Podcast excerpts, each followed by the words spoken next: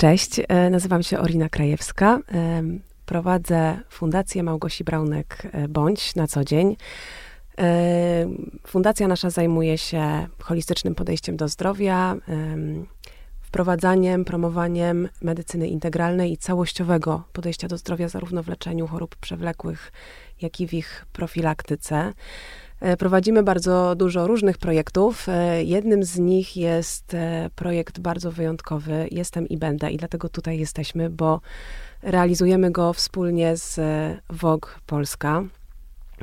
Jest to projekt, który składa się, powiedziałabym, z takiego tryptyku. Za, za, za każdym razem jest to tekst, bardzo osobisty felieton, jest sesja zdjęciowa do tego i jest rozmowa, podcast którą właśnie zaczynamy.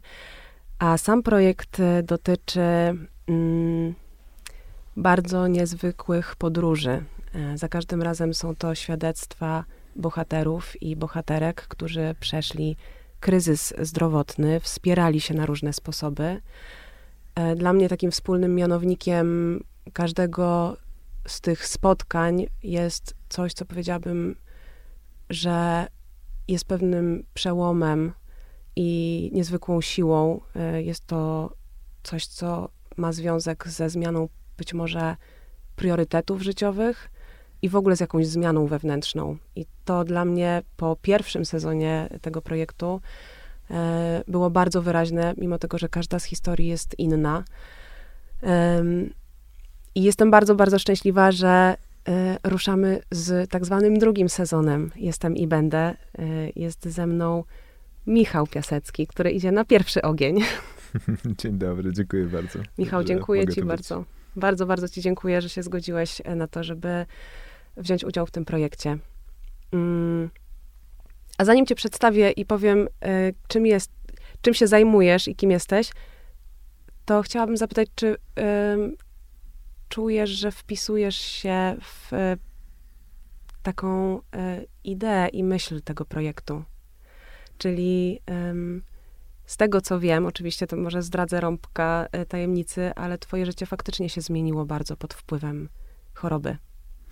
Tak, rzeczywiście zmieniło się pod wpływem choroby i po chorobie. W tym momencie czuję, że jestem odrodzony, jakby narodzony na nowo. Mm. Mm? I a, czytając a, ten pierwszy sezon Jestem i Będę, miałem wrażenie, że czytam a, historie, które są po części moją historią. I czułem jakąś taką y, od razu przynależność mm. do tych historii i jednocześnie taki jakby relaks, taką akceptację, że ta historia, której ja doświadczyłem, ona dotyka wielu osób. I taka świadomość już e, pozwala też, wydaje mi się, um, przynosi jakąś dozę akceptacji tego, pomaga w akceptacji tego, co się wydarzyło i hmm. daje też energię na to, co chce się zadziać a później. Hmm. To e, może wprowadzę, e, tak właśnie zaczynając trochę od końca, ale e, powiem, ki, czym się zajmujesz. Jesteś prowadzącym praktyki oddechowej i medytację e, Poko a Poko. E, zaraz e, mam nadzieję, że opowiesz więcej o tej metodzie i co ona ci dała w, na twojej podróży, ale mm, myślę, że ważne jest w ogóle, żebyśmy mogli dojść do tego, to wprowadzając temat, powiedzieć trochę o twojej historii, czyli właściwie dlaczego tu jesteś, co się stało w Twoim życiu i czym dla Ciebie był kryzys zdrowotny, którego doświadczyłeś? Tak, jak najbardziej. Możemy od tego zacząć, oczywiście. Więc ja a, przed kryzysem zdrowotnym żyłem takie życie w sumie bardzo piękne, bardzo takie kolorowe, powiedziałbym. Zajmowałem się projektowaniem, projektowaniem na styku współczesnych technologii. Też byłem do pewnego stopnia przedsiębiorcą, można powiedzieć. I było to życie jakby ciekawe, bardzo barwne, ale jednocześnie szybkie. I bez kontaktu z niektórymi moimi emocjami i bez specjalnego kontaktu z ciałem. Mhm. Na przykład niespecjalnie dawałem sobie czas na relaksację, na słuchanie tego, co ciało mówi w tym momencie. Wydaje mi się, że tego typu a, praktyka no, była mi zupełnie, zupełnie obca. Nie było też momentu, w którym pozwalam sobie po prostu zwolnić. Zwolnić tempo, by na chwilę zatrzymać się, posłuchać Hmm?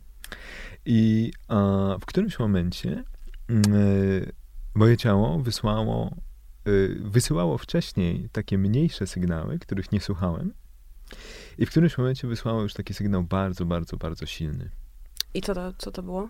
E, ten sygnał e, pojawił się w postaci takich mocnych zawrotów głowy, które były na tyle silne, że musiałem udać się do szpitala, żeby zobaczyć, co tam się wtedy dzieje. I to był taki czas, gdzie rzeczywiście mm, nie byłem jeszcze tego świadomy. Czułem tak naprawdę trochę, że powinienem już zwolnić tempo, zanim to się stało. Ale jakoś tak nie posłuchałem tego. Nie miałem w sobie na tyle energii, takiej, może nie byłem na tyle świadomy mojego ciała, żeby rzeczywiście posłuchać i powiedzieć, aha, okej, okay, ciało wysyła taki sygnał, powinienem zwolnić. Czyli je, właściwie jedyne objawy, które miałeś, to były zawroty głowy. Tak. Ja wiem, tak. że do tej pory nie powiedzieliśmy tak naprawdę, na co zachorowałeś. Tak, ale, oczywiście. Ale być może e, myślę, że zaraz będzie na to moment. Tak, zaraz będzie na to moment. E, generalnie myślę, że to może być na to moment, hmm. jeśli to jest ok. A ja zachorowałem na E, nowotwór e, e, mózgu, glejak, który później rozpoznano jako glejak drugiego stopnia, co oznacza, że nie jest on zbyt agresywny. Więc to jest dosyć dobra, dosyć dobra wiadomość. Natomiast wcześniej, za pierwszym razem, gdy wylądowałem w szpitalu, nie rozpoznano jeszcze tej zmiany jako zmiany nowotworowej. Potraktowano tę sytuację jako udar. Mhm.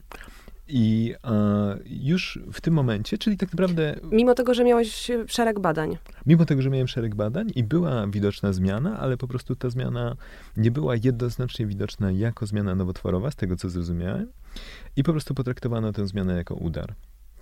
Ale ty jakby nie, nie dopytywałeś i nie robiłeś niczego w kierunku tego, żeby wyjaśnić, czy to jest udar. Też, też potraktowałeś to jako udar i poszedłeś dalej po prostu no ze swoim tak, życiem. oczywiście. Mhm. Powiedziano mi, że sprawdzono, czy to nie jest a, zmiana nowotworowa, ponieważ miałem później też e, w tym momencie rezonans magnetyczny, mhm. ale e, no jakby powiedziano, że to jest udar.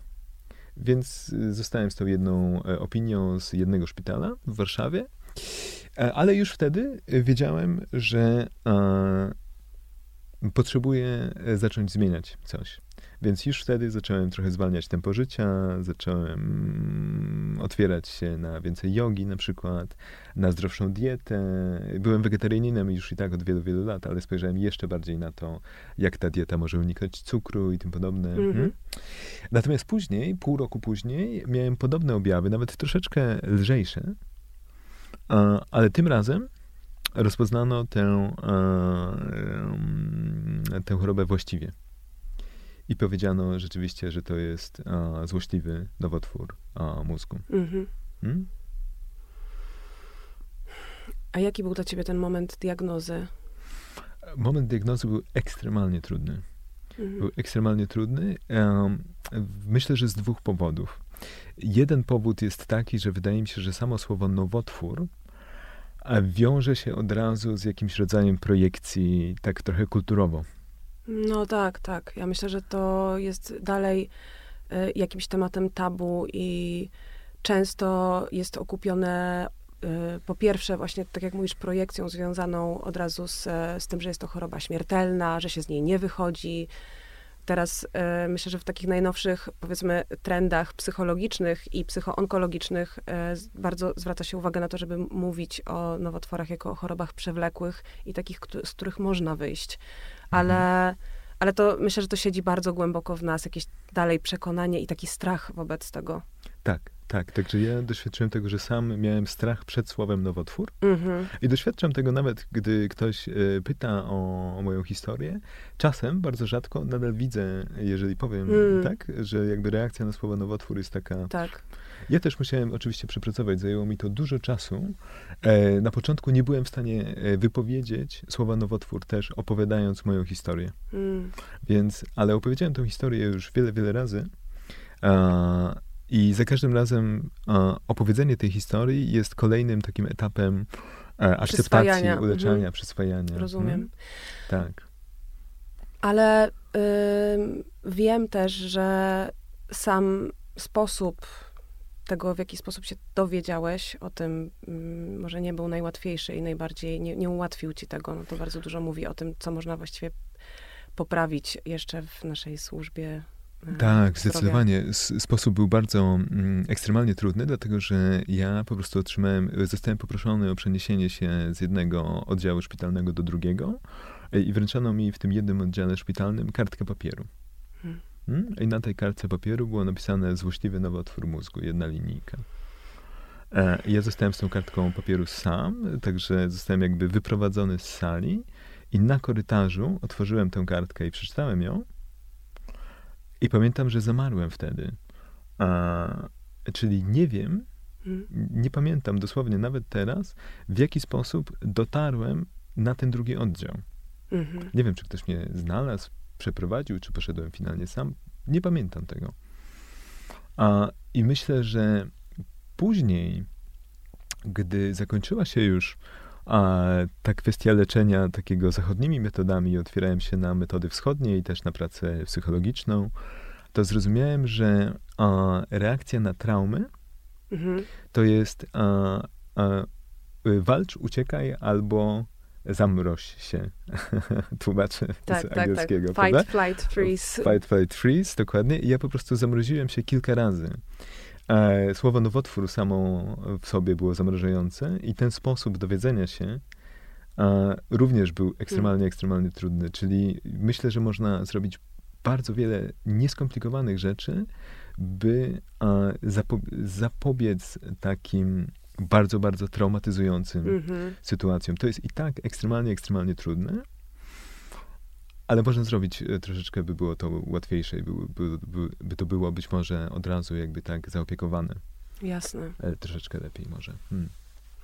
A powiedz Michał, e, jeszcze tak będąc w temacie tego, kiedy się dowiedziałeś, kiedy był ten moment, kiedy podjąłeś leczenie, czy z dzisiejszej perspektywy uważasz, że mogłeś zwrócić uwagę bardziej na jakieś konkretne objawy,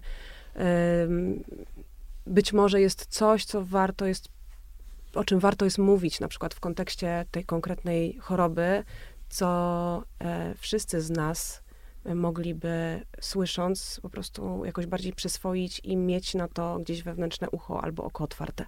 Hmm. Myślę, że a mogę powiedzieć to, co ja robię teraz sam dla siebie i mhm. czuję, że to jest bardzo, bardzo cenne dla mnie i tak naprawdę przyszło po tym czasie chorobowym.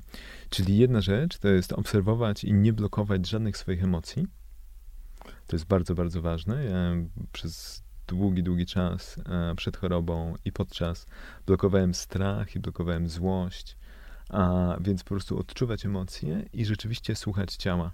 Hmm? Czyli jeżeli ciało mówi, ok, zwolnij na chwileczkę, to naprawdę warto na chwileczkę zwolnić. Naprawdę warto dać sobie czas na relaksację, bo dzięki relaksacji a możemy jakby działać, ale będziemy dużo bardziej efektywni, a przede wszystkim zachowamy e, zdrowie. Będzie to e, dobry, mm -hmm. dobry przyczynek do tego, by zachować zdrowie. No ja myślę, że my ogólnie y, mamy tendencję, szczególnie mieszkając pewnie w y, większych miastach, do tego, żeby gonić i pędzić i jednak ignorować sygnały, które ciało nam wysyła, bo bo mamy coś mhm. do zrobienia, bo to nawet jest, e, to co mamy do zrobienia, do zrobienia jest e, ciekawe i fajne i chcemy. I nie zawsze e, jest to w zgodzie z tempem, w którym ciało um, samo się regeneruje i też potrzebuje tej regeneracji. Um, myślę, że każdy ma takie doświadczenia z nas, jestem przekonana o tym. Tak, ja mogę się podpisać w 100%. To było dokładnie to, co było moim doświadczeniem. Mm -hmm, Czyli mm -hmm. po mhm. prostu szyb, szybkie, szybko, szybkie tempo, tempo życia. A, tak. Mhm. E, a powiedz jeszcze, wracając do tego momentu, w którym się dowiedziałeś i podjąłeś leczenie, e, podjąłeś leczenie konwencjonalne, czyli przeszedłeś finalnie operację i radioterapię, ale to też, e, jak rozumiem, to nie był taki oczywist, to nie była taka oczywista droga, bo na początku E, nie było takiej możliwości. Przynajmniej tak się dowiedziałeś, że nie, nie, nie było to jakby pierwszą opcją. E, tak, jak najbardziej, ponieważ lokalizacja e, mojego nowotworu była dosyć trudna. Mhm. I usłyszałem o, od pierwszych lekarzy, ale też od wielu później, a, że a, ta, y, akurat ta lokalizacja nowotworu jest nieoperacyjna. I chciałem powiedzieć e, odnośnie tego słowa nieoperacyjna, że ono jest też w moim doświadczeniu dosyć traumatyzujące. Mhm. I e, spotkałem też lekarzy, e, kilku, tak. którzy mieli e, technikę, mieli sposób, by a, zoperować ten nowotwór z minimalnymi albo właściwie żadnymi skutkami takimi post-operacja. Natomiast ten moment, gdy miałem kolejne i kolejne i kolejne konsultacje i na większości z nich słyszałem słowo nieoperacyjne, słyszałem też projekcje co do tego, że mimo tego, że e, te obrazy i też te badania, które robiłem, wykazywały, że to nie jest zbyt złośliwe, to były projekcje, że to może być bardziej złośliwe i tak dalej. Ciężko jest bardzo nie poddać się tym no tak. różnym projekcjom i po prostu nie czuć, że wow, to jest ekstremalnie, ekstremalnie trudne. Hmm? No to wymaga, wydaje mi się, ogromnej e, determinacji, nadziei, wiary, w, e, która musi być na tyle silna, żeby przekroczyć te, te fale znoszące. Jeżeli dostajesz takie informacje, które nie są wspierające na początku, a wręcz mhm. przeciwnie, to no to wymaga jakiejś ogromnej siły wewnętrznej. Ale sięgnąłeś po kolejne, po kolejne opinie lekarskie i okazało się, że jednak zakończyło się to sukcesem. Tak, tak, tak, tak. A, zdecydowanie i tutaj też muszę powiedzieć, że moja rodzina, najbliżsi e, przyjaciele a, bardzo, bardzo mnie wspierali. Mm-hmm. I to jest też bardzo, bardzo istotne, bo a, to jest taki rodzaj choroby, który w moim doświadczeniu jakby dotyka wszystkich bliskich. I ważne jest bardzo to, by bliscy oczywiście wspierali, także ja jestem super, super wdzięczny za, za wsparcie. I też moje doświadczenie jest takie, że jest niezwykle istotne, by bliscy wspierali także siebie. No tak. Ponieważ a, to jest rzeczywiście choroba, na którą choruje po prostu cała rodzina, wszyscy bliscy, a, bliscy przyjaciele. Hmm? I to jest bardzo, bardzo istotne.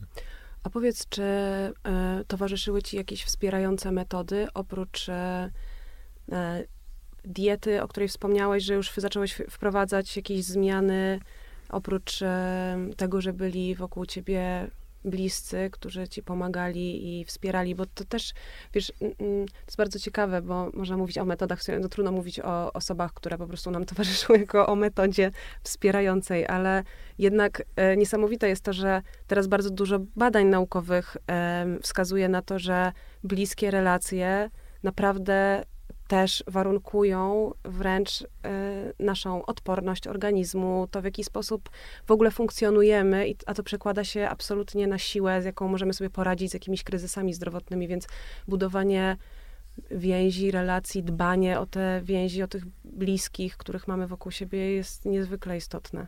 Tak, tak, tak, tak. Jest bardzo, bardzo ważne.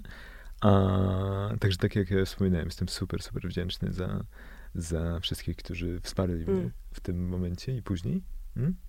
A, I taką metodą, która wtedy była też oprócz diety, no ja byłem na diecie wegetariańskiej już od kilkunastu lat wcześniej. Tak. Mm? Ale spojrzałem na to, żeby a, ta dieta była jeszcze bardziej e, zdrowa, czyli zero cukru na przykład, w miarę możliwości ekologiczne produkty, czy jakieś takie lokalne i tak dalej. I też a, nie zupełnie od początku, ale dość na wczesnym etapie otworzyłem się na pracę z a, panią psycholog, z którą nadal od czasu do czasu pracuję. I to było bardzo, bardzo istotne, bardzo cenne. To było w tym momencie największego kryzysu? E, nawet przed momentem największego Aha. kryzysu było pierwsze zupełnie spotkanie. Później e, po e, pierwszych operacjach jakby wróciłem bardziej do takiej regularnej pracy. Mhm, mhm. Która trwała dosyć długo. A jesteś w stanie powiedzieć z dzisiejszego punktu widzenia, co, co w procesie leczenia, takiego czynnego leczenia jest najważniejsze, co było dla ciebie najważniejsze? Zarówno jakby oczywiście powiedziałeś o wielu takich rzeczach, które ci pomagały i o, o wielu osobach, które były wokół ciebie, ale być może było też coś tobie, co uważasz za, za jakieś bardzo istotne, na co zwróciłeś uwagę? Może był jakiś moment, który, który to ci pokazał i jakoś, wiesz, przewartościował? Hmm. A... O, wiesz, myślę, że było kilka takich momentów. Ale to, co mi przychodzi, to jest wielka wdzięczność też dla e, lekarzy, dla specjalistów, dla lekarzy, dla całego personelu, dla pielęgniarek, e, wszystkich, wszystkich, wszystkich, których spotkałem na tej drodze, w szczególności w tych dwóch szpitalach. W jednym miałem trzy operacje. E, mm, to może jeszcze powiemy mm -hmm. o tym później. W każdym razie dlatego, że to była trudna lokalizacja, to nie udało się usunąć od razu wszystkiego, więc dlatego finalnie operacje musiały być trzy. A w innym szpitalu miałem radioterapię i w każdym z nich czułem, że e, jest taka bardzo taka ciepła, opiekuńcza energia, E, bardzo ceniłem to, że nie ma żadnych projekcji co do, nie wiem, długości życia na przykład w obydwu tych szpitalach. Jest po prostu ok, jest to i to i to do zrobienia mhm. i potem tutaj rokowania są bardzo dobre a, i po prostu zobaczymy, e, nie? A jeżeli cokolwiek się będzie działo, to po prostu wraca i będziemy to sprawdzać. No tak. To jest zupełnie inna energia, z którą tak. jednak się spotykasz, jeżeli tak, tak, tak. ona jest otwarta, wspierająca i zostawia taką właściwie otwartą mhm. perspektywę na przyszłość, a nie jest zamykająca, bo niestety bardzo często się zdarza yy, i poznałam wiele osób, które tego doświadczyły, że yy, na przykład estymuje się długość życia no albo właśnie, właśnie przebieg choroby, a jakoś tak yy, mam poczucie, że, mm, że absolutnie rozumiem statystyki, które rządzą w ogóle naszym światem bardzo często, mhm. ale jednak wszyscy jesteśmy inni i to jest tak, e, taka tajemnica stoi za każdym życiem i do czego ono prowadzi, gdzie my idziemy i z jaką siłą życiową w ogóle przychodzimy na świat i z czym możemy się mierzyć i potem co jest po drugiej stronie. Tak, że e, mm. jakoś tak mam poczucie, że mam jakoś w sobie taką dużą niezgodę na to, żeby, żeby operować e, jakimikolwiek estymacjami, szczególnie w takich sytuacjach, w których być może właśnie, nie wiem, takie momenty przełomowe zależą, nie wiem, od siły życiowej, którą ktoś ma i którą mm. kto, ktoś jest w stanie wykorzystać. Super, super się zgadzam z tym. Ja też a, doświadczyłem e, estymacji długości życia. -hmm. E, I po prostu, e, i to było ekstremalnie trudne. Myślę, że to był kolejny taki, i to na dosyć wczesnym etapie, gdy jeszcze nie miałem wybranego mm, chirurga do operacji. I no to było ekstremalnie, nie, wydaje mi się, że po prostu niestety bardzo nieodpowiedzialny. Mhm. Chociaż szczególnie, że w tych przypadkach, które są no, ale w, chyba w żadnym, nie wiem. Na, na, pewno w moim, gdzie ta projekcja była i tak bardzo, bardzo długa, ale no nadal ona wynika ze średniej, przecież to no zależy oczywiście. od tylu czynników, że naprawdę o, no, myślę, że jest to dosyć niesprawiedliwe. Więc tak naprawdę to, co musiałem też uleczać później w traumie, to są bardzo konkretne momenty. Mm. Czyli na przykład moment ten, że otrzymuję tę kartkę, tak. moment ten, że ktoś mi mówi o projekcji długości życia. Hmm?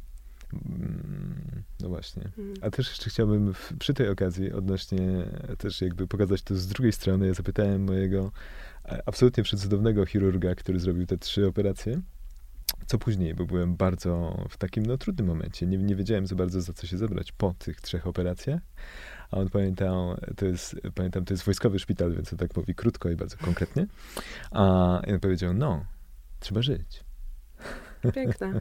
Ja tak z, chyba zrozumiałem to po raz pierwszy tak z pół roku po ostatniej operacji. Hmm. A, aha, trzeba żyć, okej. Okay.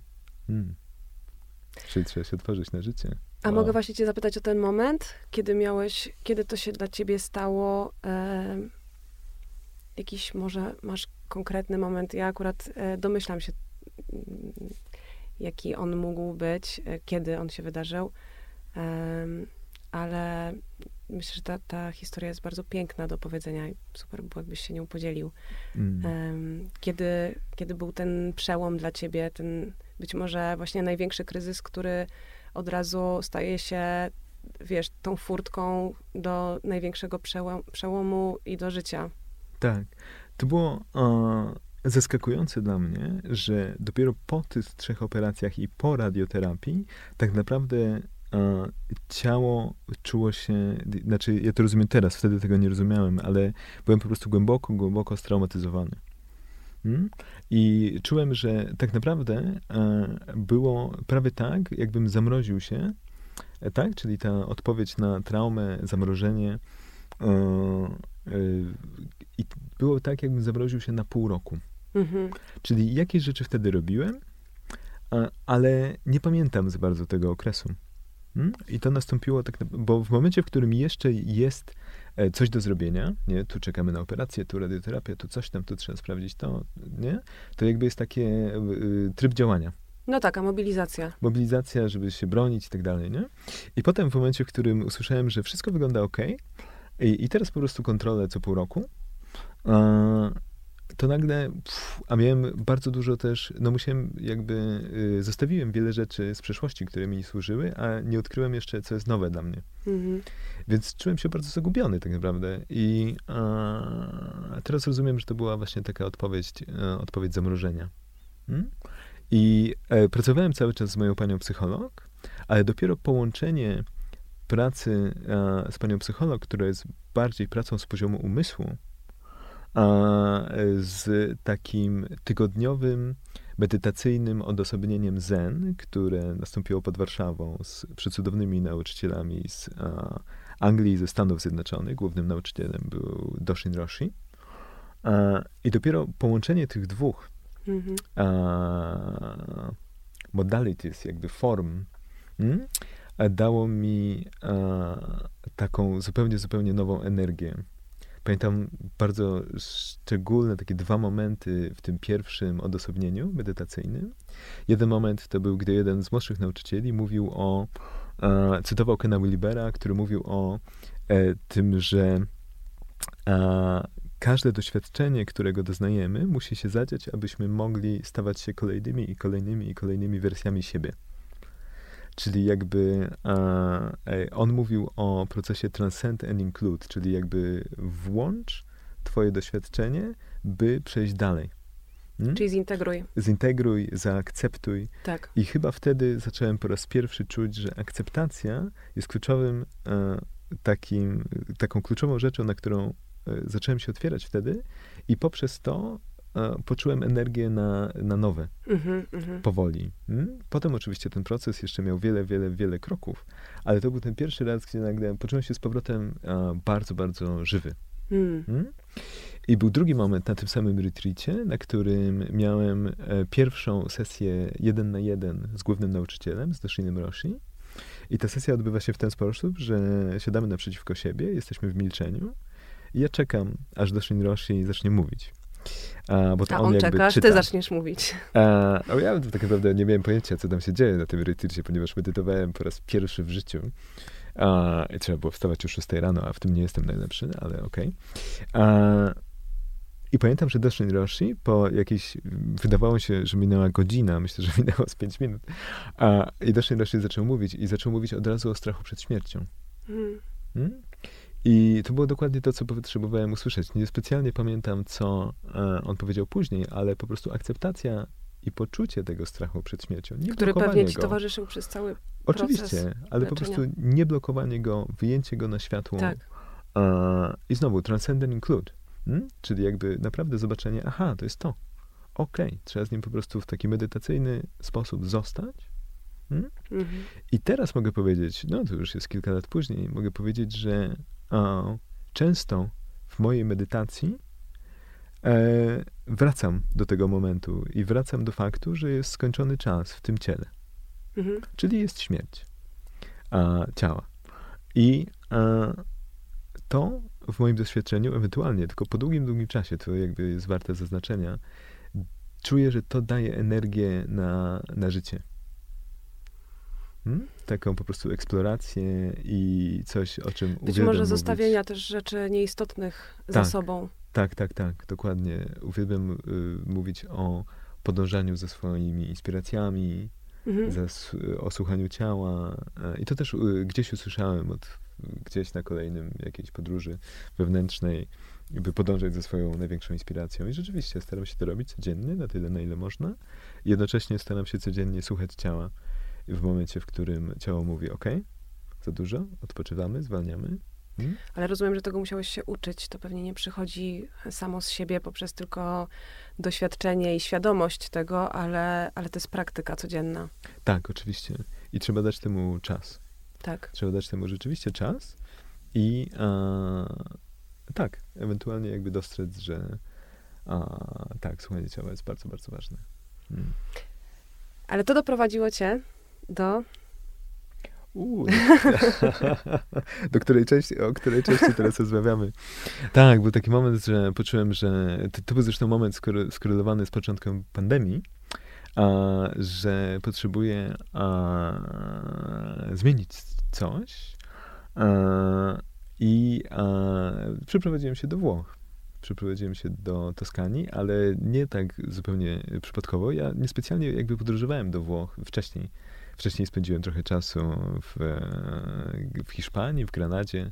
Zresztą z Granady właśnie pochodzi nazwa moich praktyk Poco a Poco e, po hiszpańsku, a tłumaczy się na polski powoli, powoli. To jest powiedzenie, po a włosku jest e, pian piano. A, no właśnie. Więc taki rytm, jakby delikatny rytm życia i te praktyki, które teraz prowadzę, o których zaraz powiem, to są też takie praktyki, które zapraszają do tego, by się głęboko, głęboko, głęboko zrelaksować to jest bardzo, bardzo istotne i moje doświadczenie jest, że poprzez relaksację możemy zajrzeć do środka, otworzyć się na nasze uczucia, otworzyć się na odczuwanie tego, co się dzieje w ciele i po prostu obserwować to, akceptować to, dać sobie czas, dać sobie przestrzeń mm. na to, by łączyć się z ciałem i ewentualnie, jeżeli będziemy wracać, wracać, wracać każdego dnia, będzie przychodzić e, z ciała energia, do ciała będzie przychodzić energia i będziemy wow, hmm. eksplorować. Hmm? A powiedz, czy to się stało tak na raz, porzucenie tego życia, które miałeś wcześniej, czy nie wiem, tęsknisz za nim czasami, czy to się zupełnie już tak zdezaktualizowało i wiesz, bycie w tym rytmie slow, czyli, no mówię oczywiście tak w cudzysłowie, mm. ale ale z tego, co słyszę, naprawdę zmieniłeś swoje życie o 180 stopni i, i zupełnie zostawiłeś za sobą takie nawet e, być może jakby i ciekawe, i przyjemne momenty związane, nie wiem, z jakąś po prostu adrenaliną życia codziennego, bieganiem właśnie z kawą na wynos i tak dalej. Um, jak, to, jak to u ciebie jest teraz? No, to bardzo ciekawe pytanie, wiesz? Um, no tam, gdzie mieszkam teraz, nie ma możliwości kawy na wynos i to jest okej. Okay. To jest absolutnie okej. Okay. Wiesz, może Musisz wziąć ze sobą zapas takich kubeczków. Takie tak, kubeczki. Tak, I sam tak, sobie tak. chodzić. Po... Nie, mam taką, mam y, buteleczkę po prostu, wiesz, to jest bardziej No tak, raczej, tfu, tfu. Żadnych kubeczków, oczywiście jednorazowych. Więc to jest okej. Okay. Um, wiesz, nie, to, to jest piękne pytanie, wiesz. Um, Wydaje mi się, że teraz niespecjalnie mam taką tęsknotę, a jednocześnie odkrywam w sobie, tylko jeszcze może dopowiem kawałeczek tej historii, żeby powiedzieć, że w momencie, w którym zaczęła się pandemia, otworzyłem się na to, żeby przejść a, trening mhm. praktyk oddechowych i praktyk oddechowych i medytacji, prowadzenia praktyk oddechowych i medytacji z taką międzynarodową szkołą, która nazywa się Alchemy of Breath. Mhm. I to jest trening, który odbywa się głównie online. Ośmiomiesięczna, bardzo, bardzo głęboka podróż E, do wewnątrz samego siebie i też jakby dzięki tej podróży do wewnątrz samego siebie uczymy się trzymać przestrzeń, a tworzyć praktyki dla, dla innych, hmm? którzy, chcą, a, którzy chcą oddychać, medytować.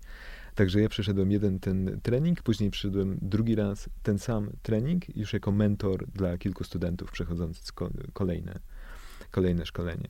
I w połowie tego pierwszego treningu dowiedziałem się o tym, że Alchemy of Breath a, tworzy a, e, takie centrum retreatowe właśnie w Toskanii, właśnie we Włoszech. E, ja czułem, ja byłem wtedy w Warszawie, pandemia hulała. hulała i czułem, że z tej Warszawy potrzebuję e, poeksperymentować z czymś nowym znów. A, ale nie miałem takiego, nie miałem konkretnej trajektorii. Hmm? A, ten trening e, oddechowy bardzo pięknie zadziałał e, i dla mnie też jakby, jeżeli chodzi o moją własną podróż wewnętrzną, ale też rzeczywiście to, że razem z moimi innymi doświadczeniami, na przykład z Integral Zen, e, teraz jestem w stanie rzeczywiście tworzyć sesje dla osób też właśnie we współpracy z fundacją. No właśnie czekałam na ten moment, żeby to powiedzieć. O, pięknie. Tak, tak, tak. Tak, bo stąd no, y, myślę, że to jest dobry moment, żeby mhm. Y, tutaj cię zaanonsować też jako osobę, która współpracuje na stałe z naszą fundacją i w ten sposób się znamy. I to jest wspaniałe, bardzo ci dziękuję za to i jest to dla mnie ogromnie wzruszające, że że dzielisz się tym swoim doświadczeniem i sobą i, i tym, co potrafisz z innymi potrzebującymi. Więc mogę od razu powiedzieć, że raz na dwa tygodnie prowadzisz sesje oddechowe dla otwartej grupy, czyli dla wszystkich, którzy mają ochotę i czują się w potrzebie głębokiej relaksacji i doświadczenia oddechu. I pomagasz osobom E, na sesjach indywidualnych, szczególnie z nastawieniem na osoby potrzebujące w kryzysie zdrowotnym. Hmm. Przepraszam, że cię uprzedziłam i e, powiedziałam o tym, ale tak e, właśnie no, czekałam na to, aż będzie moment, żeby powiedzieć fak faktycznie, że twoje doświadczenie bardzo pięknie się realizuje i też bardzo się cieszymy my ze strony fundacji, że jesteś e, z nami i możemy jakoś stworzyć wspólnie tę platformę. Hmm. Wow, bardzo dziękuję, wiesz, ja... Hmm. wow, jestem bardzo wzruszony teraz, wiesz. A za każdym razem, wiesz, jak otwieram, e, bo większość z tych sesji odbywa się przez Zoom, online i za każdym razem, gdy otwieram ten Zoom i czekam chwileczkę na osobę albo na grupę, e, to czuję e, wow, taką po prostu energię przepływającą przez ciało, wiesz, taką po prostu energię radości, że jest forma, bo był długi czas, gdzie po tym trudnym, trudnym czasie potrzebowałem jakby odszukać siebie i odnaleźć też jakby formę dawania czegoś innym. Hmm? To jest bardzo, bardzo istotne tak. e, też dla mnie, ale prawda? I jakby e, i czuję się teraz po prostu ekstremalnie, ekstremalnie wdzięczny za to, że ta forma współpracy z wami i możliwość E, tworzenia sesji indywidualnych, grupowych, a po prostu, po prostu jest. Stworzyła się i ciekaw jestem, co jeszcze się stworzy. Myślę, że się będą stwarzać piękne rzeczy. A, tak, ale jestem bardzo, bardzo wdzięczny. I może jeszcze dopowiem, jeżeli już jesteśmy przy tym etapie, że na końcu pierwszego treningu mamy tego właśnie Alchemy of Breath, mamy taką sesję, która jest sesją o e, śmierci. Hmm o tym, że będzie taki moment, gdzie musimy zostawić absolutnie wszystko, wszystko, wszystko. I to jest a, bardzo piękna e, sesja. E, I e, Antoni, który jest głównym prowadzącym tej szkoły, on jakby wprowadził temat i potem powiedział: OK, czy ktoś z grupy chciałby zabrać głos jako pierwszy? I zapadła taka długa, długa cisza. Ja miałem Mm, palec już na przycisku unmute e, na Zoomie, czyli jakby, żeby zacząć mówić, ale coś mnie blokowało, wiesz, przed powiedzeniem. I zupełnie nie wiem w jaki sposób Antoni powiedział w tym momencie, ok, Michał, może ty chcesz coś powiedzieć jako pierwszy. ja nacisnąłem ten unmute, płacząc.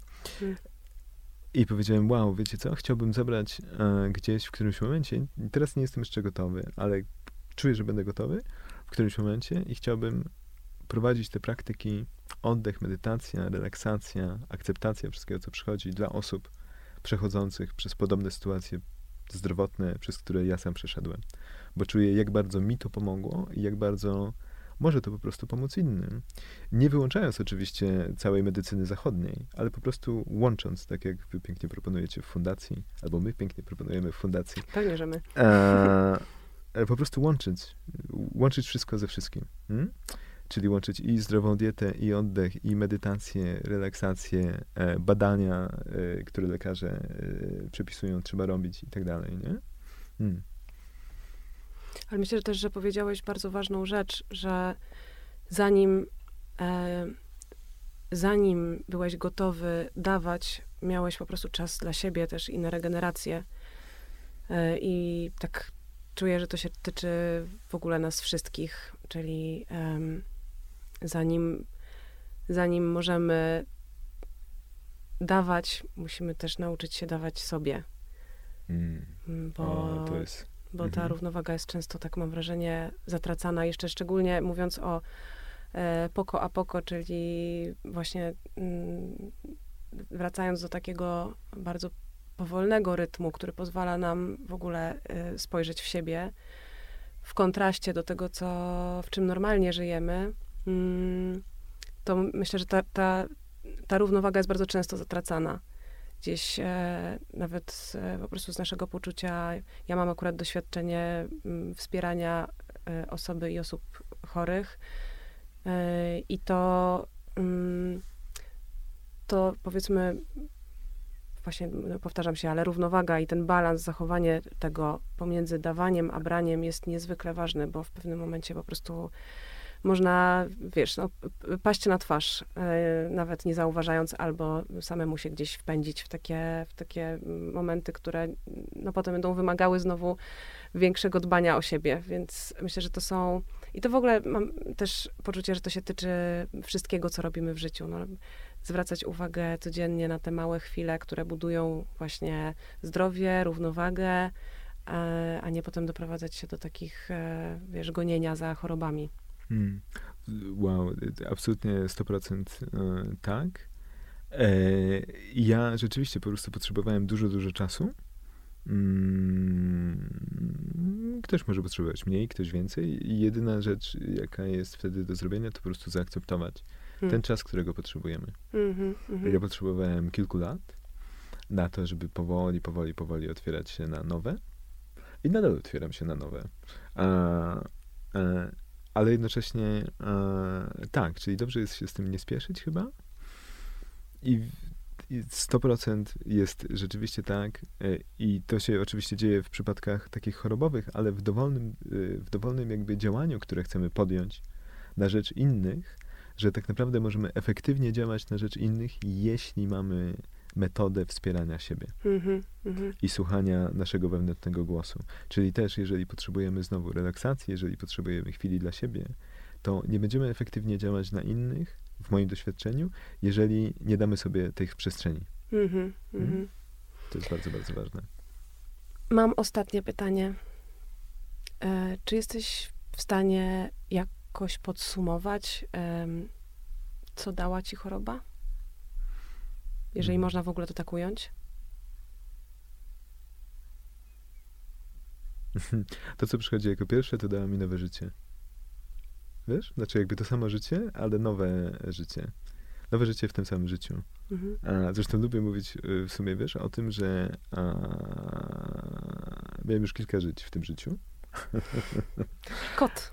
tak, można tak powiedzieć. Wiesz, miałem życie takiego a, przedsiębiorcy z pewnym sukcesem, projektanta, który podróżował, coś tam. A, miałem takie życie, gdzie musiałem absolutnie, absolutnie zwolnić. Miałem takie życie po prostu pacjenta onkologicznego. Hmm? E, miałem ten moment, gdzie proces uleczania tej traumy, uleczania tego jest po prostu długotrwałym procesem, ale ewentualnie też w sesjach, które prowadzę, często bardzo mówię o tym, o akceptacji, o, e, o takiej aktywnej akceptacji, czyli o aktywnym podjęciu działań, by zerknąć do środka, otworzyć się na uczucia, otworzyć się na ciało, nie blokować żadnych elementów z przeszłości, z naszej historii, których e, doświadczyliśmy, łącznie z tymi bardzo, bardzo trudnymi elementami, i poprzez akceptację, ewentualnie moim doświadczeniem jest to, że przychodzi energia na nowe. I absolutnie nie znaczy to, że nie zdarza mi się popłakiwać. Mm. Hmm? I to jest też bardzo ważne. Nie jest tak, że wiesz, wow, jedno się skończyło i już jest wszystko super mm -hmm. pięknie. Ale w tym momencie, w którym jestem, tak czuję, jestem otwarty na te emocje, na ciało, na sygnały z wnętrza, w momencie, w którym przychodzi jakakolwiek trudność, moja reakcja na tę trudność jest inna. Hmm? Czyli jakby chyba e, jest to, e, jest łatwiej przechodzić przez różne rzeczy, a jednocześnie kreować piękno. Mm. I też kreowanie piękna dla innych, jakiejś formy takiej, która akurat, no dla mnie akurat są to te oddechy, prawda? Ale są mm -hmm. bardzo różne formy. A, jest taką, mm, aż czuję znowu wibrację. E, jest bardzo ważnym elementem też takiego dobrostanu mm. po prostu. Mm. Dziękuję, Michał. E, bardzo Ci dziękuję za rozmowę. I a was wszystkich e, zachęcam do przeczytania tekstu Michała Felietonu, który znajdziecie na portalu wok.pl, e, do obejrzenia zdjęć i do kontaktu z Michałem mogę, mogę zachęcić wszystkich. Jeżeli ktoś potrzebuje, chce się dowiedzieć więcej o Poko a Poko, o e, być może porozmawiać z tobą. Mogę tak powiedzieć? Tak trochę uprzedzam, ale widzę, że, że się zgadzasz. Więc e, oczywiście jest tutaj zielone światło. Bardzo Ci dziękuję.